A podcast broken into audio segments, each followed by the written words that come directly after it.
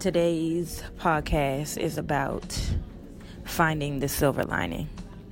Um, I record this in the hallways of the rehabilitation space that my father is in indefinitely as he celebrates his 60th birthday. And it just reminds me to just be grateful for the good and for the bad because in the bad you're supposed to do like Cardi B told you turn the L into a lesson you never lose if you can find the silver lining. And like some people, you know, they get broken down, they get taken over by what um, is stressing them in life, and it consumes everything. Um, it consumes everything of who they are, what they're doing, what they want to do. They can't look past all the hardships.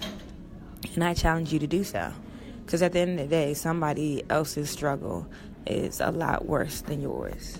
I'm going through some things today. Um, lost my wallet, but um, lost my wallet. I had an asthma attack last night. Been using an inhaler, just don't feel good. But there's work to be done. There's things to do. There's life to enjoy. There's sun to soak up. There's kids' laughter to hear. There's we got we got work to do, and you and I don't have time to be sitting around thinking about the things that make us sad or thinking about the things that honestly we can't control. And that's another conversation in that silver lining is everything you can't control.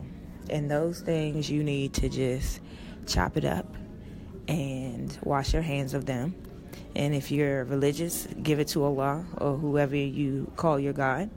If you're spiritual, sit down with your crystals, meditate, and find a balance. But do not let the negativity of the world, of your world, shut things down. Because your world is a very, very small speck of what the rest of the world looks like. And in comparison, your issues may look just the same. So, focus, like the last podcast. Find the silver lining because it's always there. And just push. Do your best. Be grateful. Say thank you for the good things and the bad things. And live your best life. Six Cents. Thanks for listening.